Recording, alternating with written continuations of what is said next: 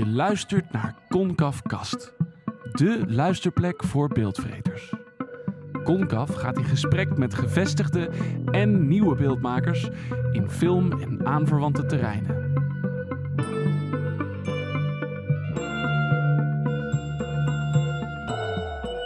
Welkom bij de Concaf podcast over filmen. Mijn naam is Frank van Os, documentairemaker en ik praat vandaag met Josephine van Koten, documentairemaker. Nou, camera loopt, Geluid loopt. geluid loopt. Goedemorgen. Goedemorgen. Josephine van Koten, welkom bij de podcast van Concaf. Vertel eens, wie ben jij? Wie ben ik? Dat vind ik wel een hele grote vraag. Eh, ik ben Josephine Verkoten en eh, ja, wie ben ik? Kom op. Nou, eh, ik wil net zeggen, jij blijft, blijft wijzelijk stil. ik blijf wijselijk stil. Dat is de rol van de interviewer, toch? ja, dat is de, de, de beste techniek, toch? Dan komt er meer. Eh, wie ben ik? Ik maak documentaires. Ik heb op de kunstacademie gezeten. Wanneer kwam je op het idee, goh, ik ga documentaires maken? Ja, dat is echt pas tijdens de academie eigenlijk gaan. Ik ben eerst ben ik theologie gaan studeren, omdat ik heel erg een liefde voor filosofie heb. En dat is eigenlijk op de middelbare school ontstaan. En toen dacht ik van, ja, waar ga ik nou filosofie studeren? Vond ik een beetje te vaag of zo. Dat ik dacht van, wat... wat en toen dacht ik van, oké, ik vind religie ook interessant, dus ik ga theologie studeren. Toen op een gegeven moment, na een half jaar, moest ik een essay over de kerk van, eh, hoeveel was het nou? 200 jaar na Christus tot nu, moest ik schrijven. En toen dacht ik, waar ben ik mee bezig? En mijn zus, die was net, mijn oudste zus, die was net begonnen met uh, de avondopleiding aan St. Joost. En toen voelde ik gewoon echt zo duidelijk van, oh ja, maar dat wilde ik eigenlijk doen. Dus na een half jaar theologie toch stopgezet en naar de kunstacademie gegaan. Met het idee van, ik ga schilderen. Soort van, alleen dat is echt al heel snel uitgeslagen. In de zin van dat ik vragen kreeg, waar is de verbeelding? Waar is de verbeelding? En ik dacht van, ik snap je niet. Ik, ik snapte er gewoon echt helemaal niks van. Ik denk als ik het nu zou doen, dat ik er meer van zou snappen. Maar ik snapte er in die tijd gewoon, ik snapte gewoon niet wat die leraren van mij wilden. Wat wilden ze? Ja, wat wilden ze? Ik denk uiteindelijk dat je gewoon doet wat er in je zit. En ik denk dat ik te veel bezig was met wat ze van mij wilden juist. En dat ik daar op een gegeven moment niet mee om kon gaan of zo. Dat denk ik. En toen had ik een um, minor uh, film en ik wist helemaal niks van techniek. En ik heb daar zo van genoten, eigenlijk van de combinatie beeld en geluid. Ja, eigenlijk de opbouw daarin en dat je daar, daarmee gewoon een verhaal en een gevoel kon overbrengen. Dat, dat ik eigenlijk ben overgestapt, vrijwel direct. en voor mij was ook zo iemand, ik had dan les van Jeroen Bergfans toen, in die minor. En hij was zo concreet, zonder dat hij zei van waar is de verbeelding, ondanks dat het ook daarover volgens mij heel veel ging, uh, kon ik er gewoon veel meer mee. En ik wist eigenlijk heel weinig van documentaire. En ik denk dat ik vooral op het moment dat ik afgestudeerd ben en al die tijd daarna, dat dat zeg maar echt zo, ik juist heel erg van de documentaire ben gaan houden. Zeg maar dat, dat in, de, in de academietijd is dat een beetje zo dat zaadje geplant. En daarna is het eigenlijk pas echt. Ik zou nu niet kunnen bedenken dat ik iets anders zou doen eigenlijk. Nee? Nee. Waar zag jij voor het eerst dat het magisch was voor jou? Uh, tijdens de academie uh, had Jeroen ons toen Five Obstructions uh, laten zien. Dus daar zit ook wel voor een deel natuurlijk een groot deel fictie in. Maar op het laatst heb je dus Lars van Trier die een brief aan aan zijn oude leraar voorleest. Alleen eigenlijk is het een brief die die leraar dan voorleest. Alleen Lars van Trier heeft hem geschreven. Het is een beetje ingewikkeld. Ja, en voor mij was het gewoon zo emotioneel. En eigenlijk dat ik juist zeg maar alle dingen die daaromheen zaten...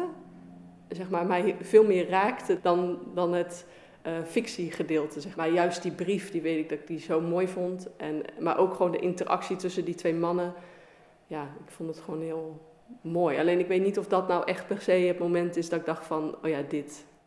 En toen was je ineens documentairemaker? Nou, niet ineens.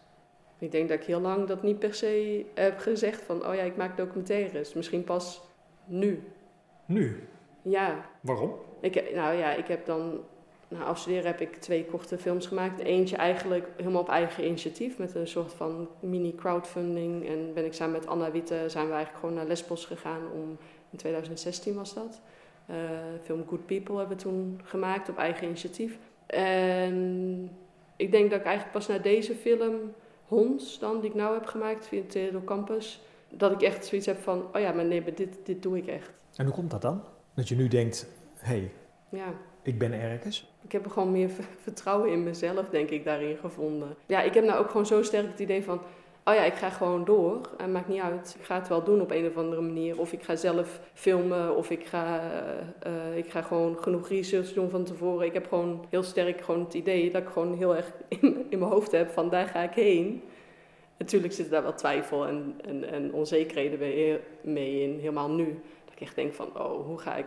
Die financiering wordt volgens mij alleen maar erger de komende tijd. En het was al niet zo'n paradijs, volgens mij. Nee, maar ik voel het gewoon heel sterk in mezelf. Dat ik gewoon weet van, oké, daar ga ik naartoe en dit wil ik. En misschien heb ik dat daarvoor nooit zo gevoeld. Maar waar dat dan aan ligt... Ja, Ik ben weer stil. Jij bent weer stil omdat je weer op een antwoord zit te wachten. Dat ik gewoon uit mezelf ga praten. Praten is niet mijn... eh, mijn eh, je hebt de, niet de beste regisseur uitgekozen om, eh, om te praten, denk ik. Waarom niet? Praten is niet mijn favoriete ding. Omdat ik in mijn hoofd altijd al meteen bedenk van... Ja, is dat wel zo? Is dat wel zo? En dan ga ik in mijn hoofd al een hele discussie eigenlijk aan voordat er iets uitkomt. En dan heel vaak val ik dan stil. Dus dan zie ik jou nou ook knikken. Zo van, kom maar, weet je, begin maar. Gaan we verder praten. Ja, zo gaat dat bij een interview, toch? Ja. Nee, goed. Je had het net over twee films waar ik het ook over wilde hebben. Ja. Uiteraard. Laten we eens even bij de laatste beginnen. Je hebt Hond gemaakt. ja. Eh, de film waardoor jij nu het gevoel hebt, oh ja, ik weet nu welke richting ik op ga. Waar gaat die film voor jou over? Je ziet eigenlijk een training bij eh, een hondenfluisteraar die vrij luid is. Zacht uitgedrukt, denk ik. Hij is heel dominant en luid. En het is eigenlijk, eh, denk ik, een training van acht weken. En mensen die komen daar met een hond. Je ziet hoe ze zeg maar aan het worstelen zijn met een hond. Hoe ze de hele tijd- ik, ik zie heel die film, film voor me. Maar om dat nou te beschrijven, denk ik van... What the fuck, waar moet ik beginnen? Eh, het, zijn vrij, ja, het zijn vrij op zich observerende beelden, ook wel vrij statisch. Want het is niet alleen maar statisch, want de, de cameraman die beweegt wel een beetje. Ja, voor mij zitten daar best wel veel lagen in die film. Maar ik vind het zo raar dat sommige mensen die zeggen dan tegen mij van dat dat uiteindelijk geen training voor de honden is, maar voor de mensen. En dat het uiteindelijk zeg maar een soort van psychisch eh, veel meer aan de mensen ligt. En dan denk ik van, hmm, ja, ja, dat zit erin inderdaad. En dan andere mensen die zeggen weer van, het is bijna, het is absurdistisch dat het bijna is. denk ik, hè? Oké, ja, weet je, het is nooit mijn, mijn, in, in mijn doel geweest om een soort van grappige film te maken. Dus ik denk dat het ergens tussen die twee dingen in zit. Dat het, ehm, ik denk dat het wel heel erg absurdisme laat zien tussen de relatie die eigenlijk tussen mens en hond en mens en dier in het algemeen zit. En ik denk dat ik dat heel erg voelde toen ik drie jaar geleden voor het eerst een hond kreeg. Ik, ik was echt meteen helemaal verliefd op dat beest. Maar tegelijkertijd voelde ik zo'n heel erg, erge vervreemding en raarheid als ik dan op dat veld stond en die hond rondjes moest laten draaien en moest laten zitten. En oh, dan kreeg hij een snoepje, want hij had het goed gedaan. Ik vond dat gewoon eigenlijk heel absurd. En eigenlijk dat, dat dilemma in mezelf, daar dacht ik van, oké, ja, nou dan ga ik researchen. En toen kwam ik uiteindelijk bij Ron terecht. En eh, wat mij heel erg aantrok bij Ron zijn training is dat hij toch die mens heel erg als uitgangspunt nam. Omdat hij daar zo op focus, waardoor er ook zo snel heel veel verhalen altijd kwamen. Dat ik dacht van ja, dit is gewoon, is gewoon super mooi. Weet je, want je hebt aan de ene kant die struggle tussen mens en hond. En aan de andere kant die hele persoonlijke verhalen die mensen toch vaak dan, waar ze mee komen. En wat dan toch als, ja, ja, indirect misschien ook met die struggle met die hond te maken heeft. Ik vond dat heel boeiend. Wat is voor jou een belangrijke scène in die film? Ja, voor mij is eigenlijk... Een scène vind ik heel moeilijk, maar meer momenten, denk ik. Want een scène, in principe is elke scène belangrijk. Is er één moment waar je heel blij van wordt? Of heel verdrietig van wordt?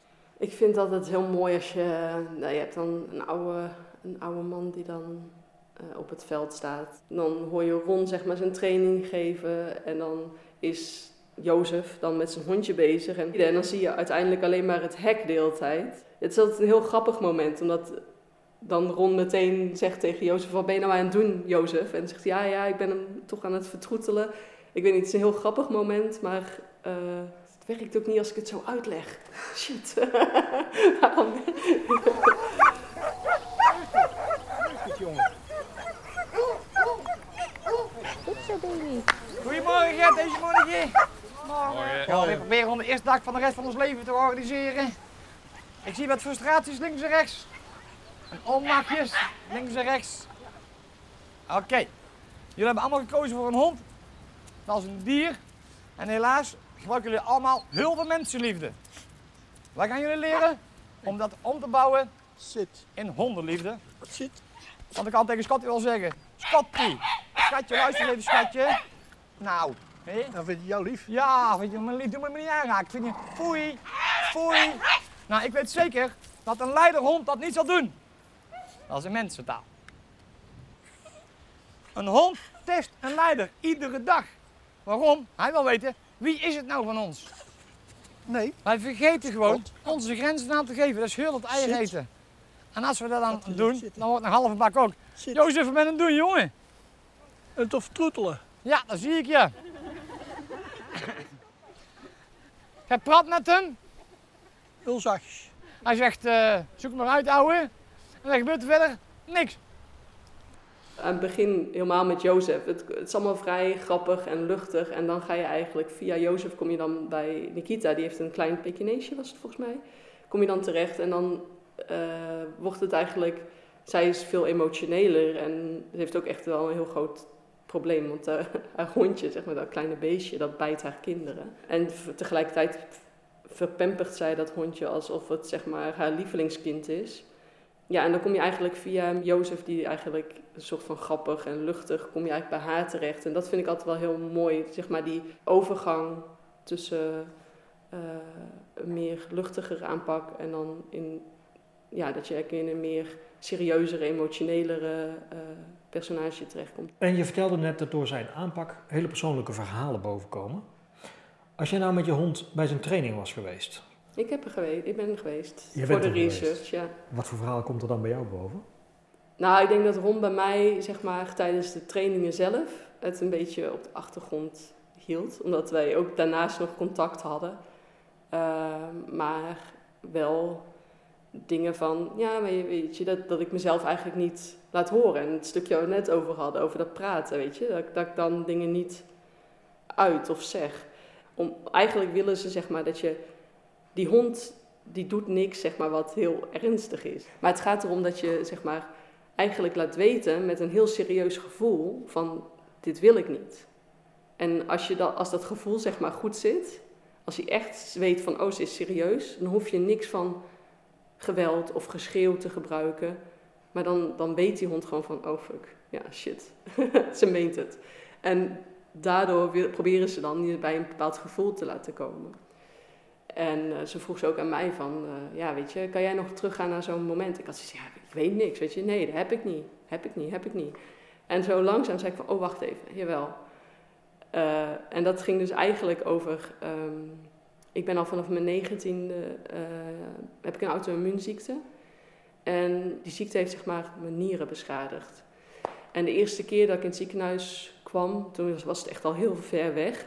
Ja, was ik echt heel ziek. Ik was echt op het randje en meteen vol met medicatie gepropt. Eh, tien jaar later heb ik een terugval gehad en dan zie je zo in je bloed, oh langzaam gaan je nieren weer achteruit. Nou, allerlei signalen, maar dat duurt dan best lang voordat het weer wordt opgepikt. En toen dacht ik, oké, dit laat ik me niet weer gebeuren. Dat het dus in één, twee maanden mijn nieren achteruit aan het gaan zijn. En dat het uiteindelijk nog zes maanden duurt. Want ze weten inmiddels wat voor ziekte ik heb. En uiteindelijk was het pas een half jaar later dat het weer, zeg maar, oh ja, nee, het is toch je ziekte, zeg maar. Een paar jaar later is me toch weer precies hetzelfde gebeurd. En zeg maar, die derde keer heeft me zo kwaad gemaakt, mezelf, omdat ik dacht van, ik heb weer niet voor mezelf kunnen opkomen. Dat kwam toen heel erg naar boven, dat ik dacht van, shit, ik heb daar weer niks gezegd. Ik heb me weer elke keer weg laten sturen. Dat kwam naar boven bij die training. Ja. Ja, en dat is dus omdat ze zo, omdat ze daar zo op doorgaan. En, en eh, ja, ik weet, weet je, je kan je ook van alles afvragen. Wat heeft het in godsnaam met honden te maken? Ja, misschien ook wel niks, maar dat wilde ik ook voor een deel in die film hebben. En juist door bijvoorbeeld soms heel lang op die honden te zitten en dan maar mensen te horen praten, zit dat volgens mij ook wel in die film.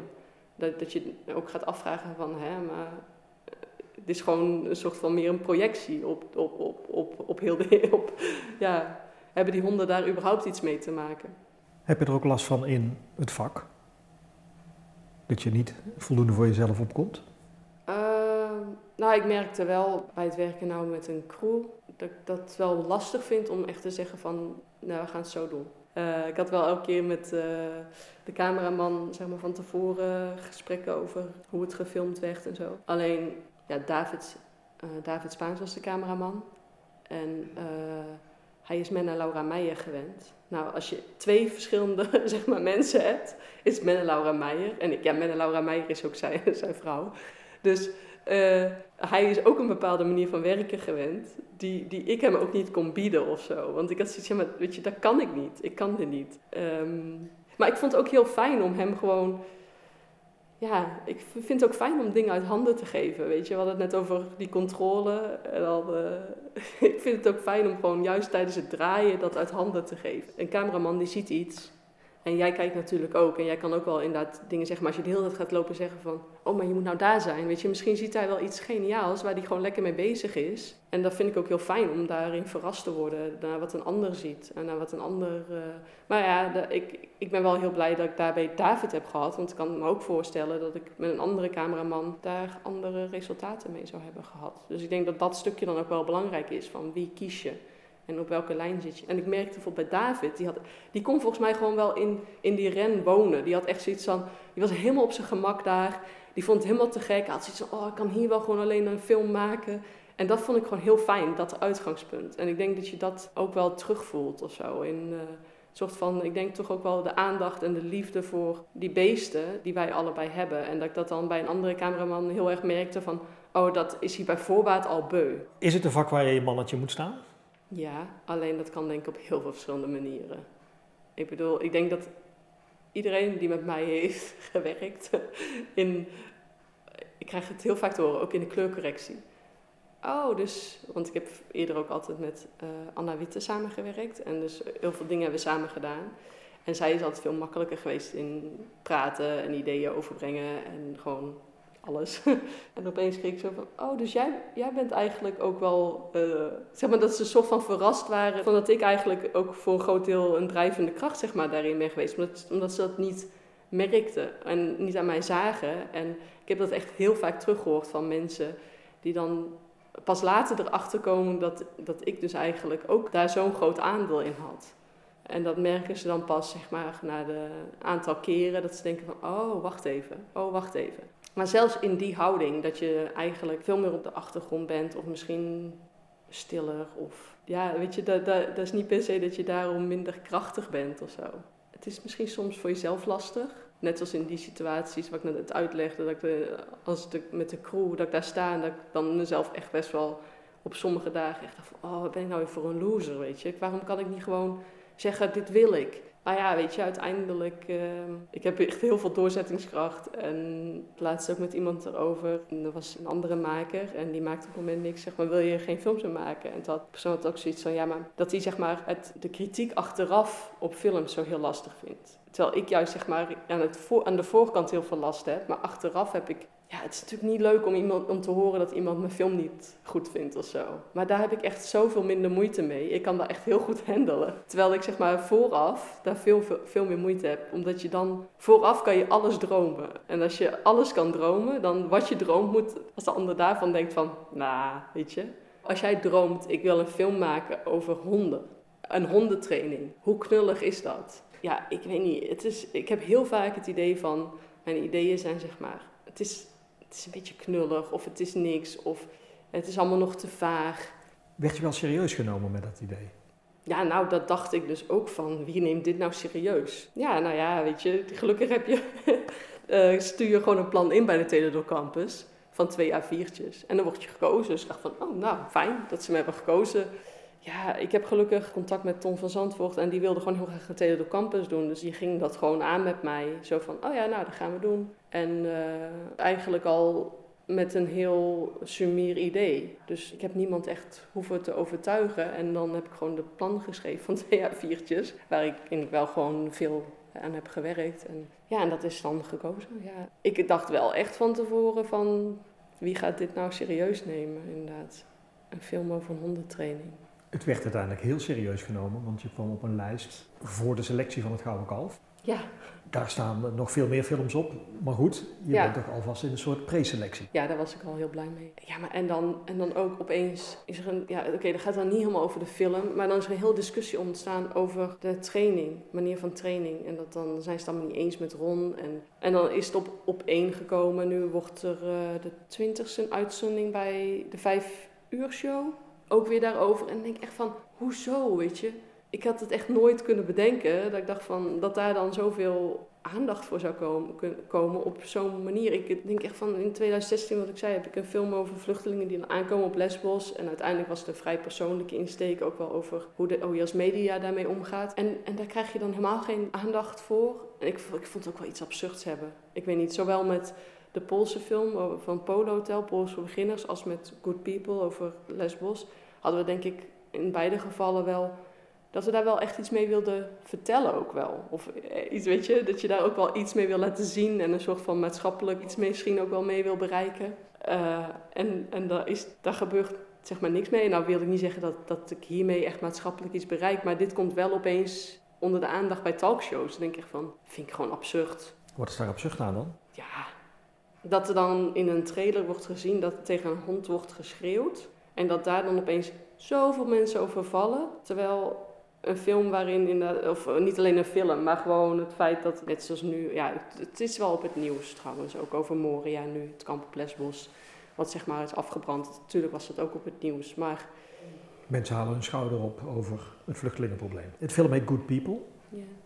En ik begrijp dat dat helemaal niet gaat over de vluchtelingen, maar dat het eigenlijk over jou gaat. ja. Die titel. Kan je dat eens uitleggen? Nou, mijn vader woont daar op Lesbos. Dus ik was daar eigenlijk gewoon op vakantie. En ik ben natuurlijk filmmaker, dus ik had mijn camera wel meegenomen. En toen was eigenlijk net, begon net 2015, 2016 was zeg maar echt zo heel erg dat er echt duizenden mensen per dag aankwamen. En dat was zeg maar net het begin dat er van die bootjes aankwamen. En toen ben ik ook op een gegeven moment om vijf uur 's ochtends opgestaan. Ik ben daar gaan filmen, mm, gewoon een beetje observerend van afstandje. En eh, toen zag ik hoe er een camerafotograaf zeg maar, naar voren kwam, een cameraman naar voren kwam, die, die eigenlijk die bootjes ontvingen. Later stond ik dan ehm, ook om vijf uur 's ochtends op een berg te wachten. En dat, dat gebeurde dus elke ochtend, waarin dus allerlei fotografen en cameramensen op een berg stonden te wachten totdat de bootjes aankwamen. En dat, ik vond aan de ene kant, zeg maar, vond ik het heel belangrijk dat er iets over werd ge- ge- gedaan. Omdat ik eigenlijk, vind het toch best wel erg hoe er met vluchtelingen om, om wordt gegaan. En dat mensen dus, ik vind het gewoon een raar gegeven dat wij daar, dat wij eigenlijk die grens zo dicht houden. En dat mensen dus met een bootje daar de zee over moeten gaan en eigenlijk hun leven moeten riskeren. Ja, dat, daar vind ik gewoon iets van. En daarom vind ik het ook belangrijk, zeg maar, dat er iets over wordt gedaan. Dus ik dacht van, nou, ik ben hier, eh, ik ben een documentairemaakster, ik wil daar wel iets over vertellen. En tegelijkertijd zag ik dus dat ik met heel veel cameramensen en fotografen op zo'n berg 's ochtends zat te wachten. Op bootjes die aankwamen. En dan kwamen ze aan en dan was je heel druk bezig om dat goed te doen. En dan gingen ze weer weg. En dan, weet je, het voelde heel erg van, wat, waar, waar ben ik nou eigenlijk mee bezig? Je werd een soort van geconfronteerd met jezelf door die andere mensen te zien, bezig zien. Waar was je mee bezig dan? Ramptoerisme? Ja, ik weet niet. eh, want misschien is het ook wel, je wil ook, je wil ook een soort van goede film maken. Dus waar ben je nou inderdaad mee bezig? Ja, ramptoerisme niet, maar misschien wel, wat staat je er in vredesnaam te doen inderdaad? Ehm, En wat stond je te doen? Ik bedoel, eh, je hebt een film gemaakt over wat we daar stonden te doen. ja, Met z'n allen, in Ja. feite. ja. Eh, Wil je dat aankaarten? Wil je dat ter discussie Nou, stellen? ik, ik kwam er gewoon heel erg achter dat, dat, dat, gewoon die, ehm, dat je zelf dus heel erg.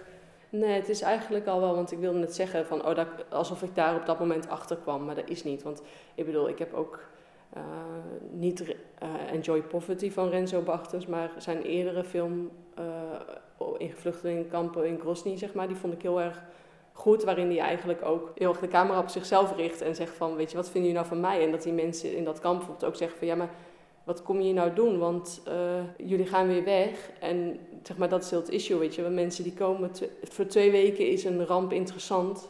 En daarna is het niet meer interessant. Ehm, en dus wat bij mij soort van uiteindelijk mm, in speelde was...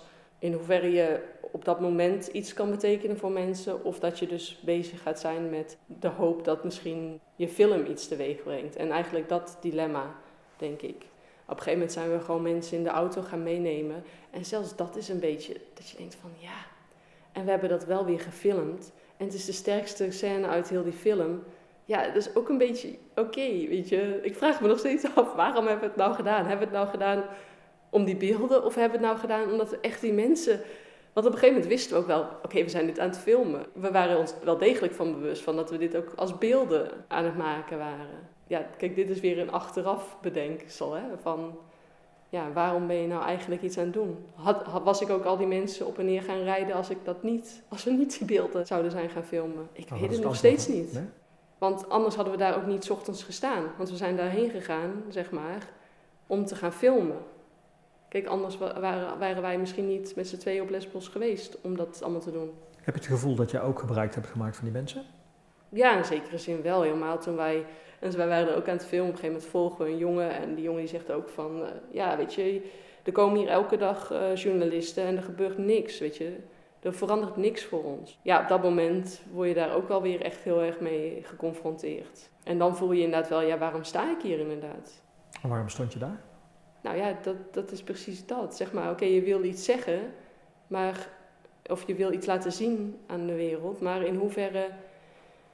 En daar, daar gaat weer terug naar wat ik net over Renzo Martens zei, wat hij daar eigenlijk ook laat, liet zien in die film, of in die documentaire, dat, hij, eh, dat het nieuws, zeg maar, een soort van twee weken interessant is en dan moet je weer verder naar een volgende ramp.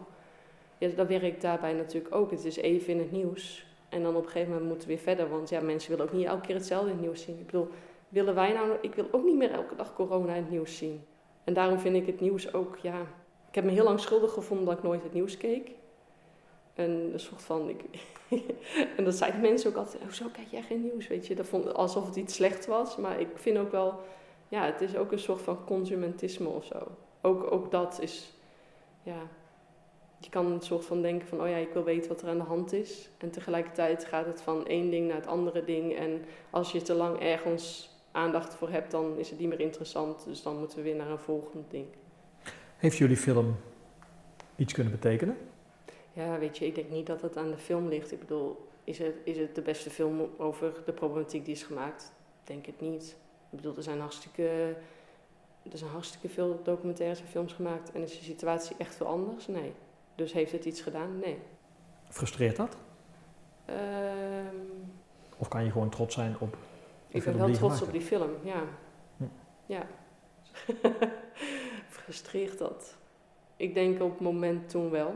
Ik zet zelf, en dat is heel verkeerd om te zeggen, omdat ik maatschappelijk, best wel maatschappelijke thema's maak. Maar voor mij staat de film eigenlijk altijd voorop. Dus dat vind ik ook wel, en ik denk dat daar dan misschien ook wel die film uit voort is gekomen. Daarom juist. Omdat je dus die twee belangen hebt en als je daar staat, word je heel erg geconfronteerd met de realiteit. En met mensen die, die echt, zeg maar, leed hebben. Maar achteraf en in de edit, en dan gaat altijd de film voorop. En mag dat? Ja. Hmm, ja. Ja. Nee.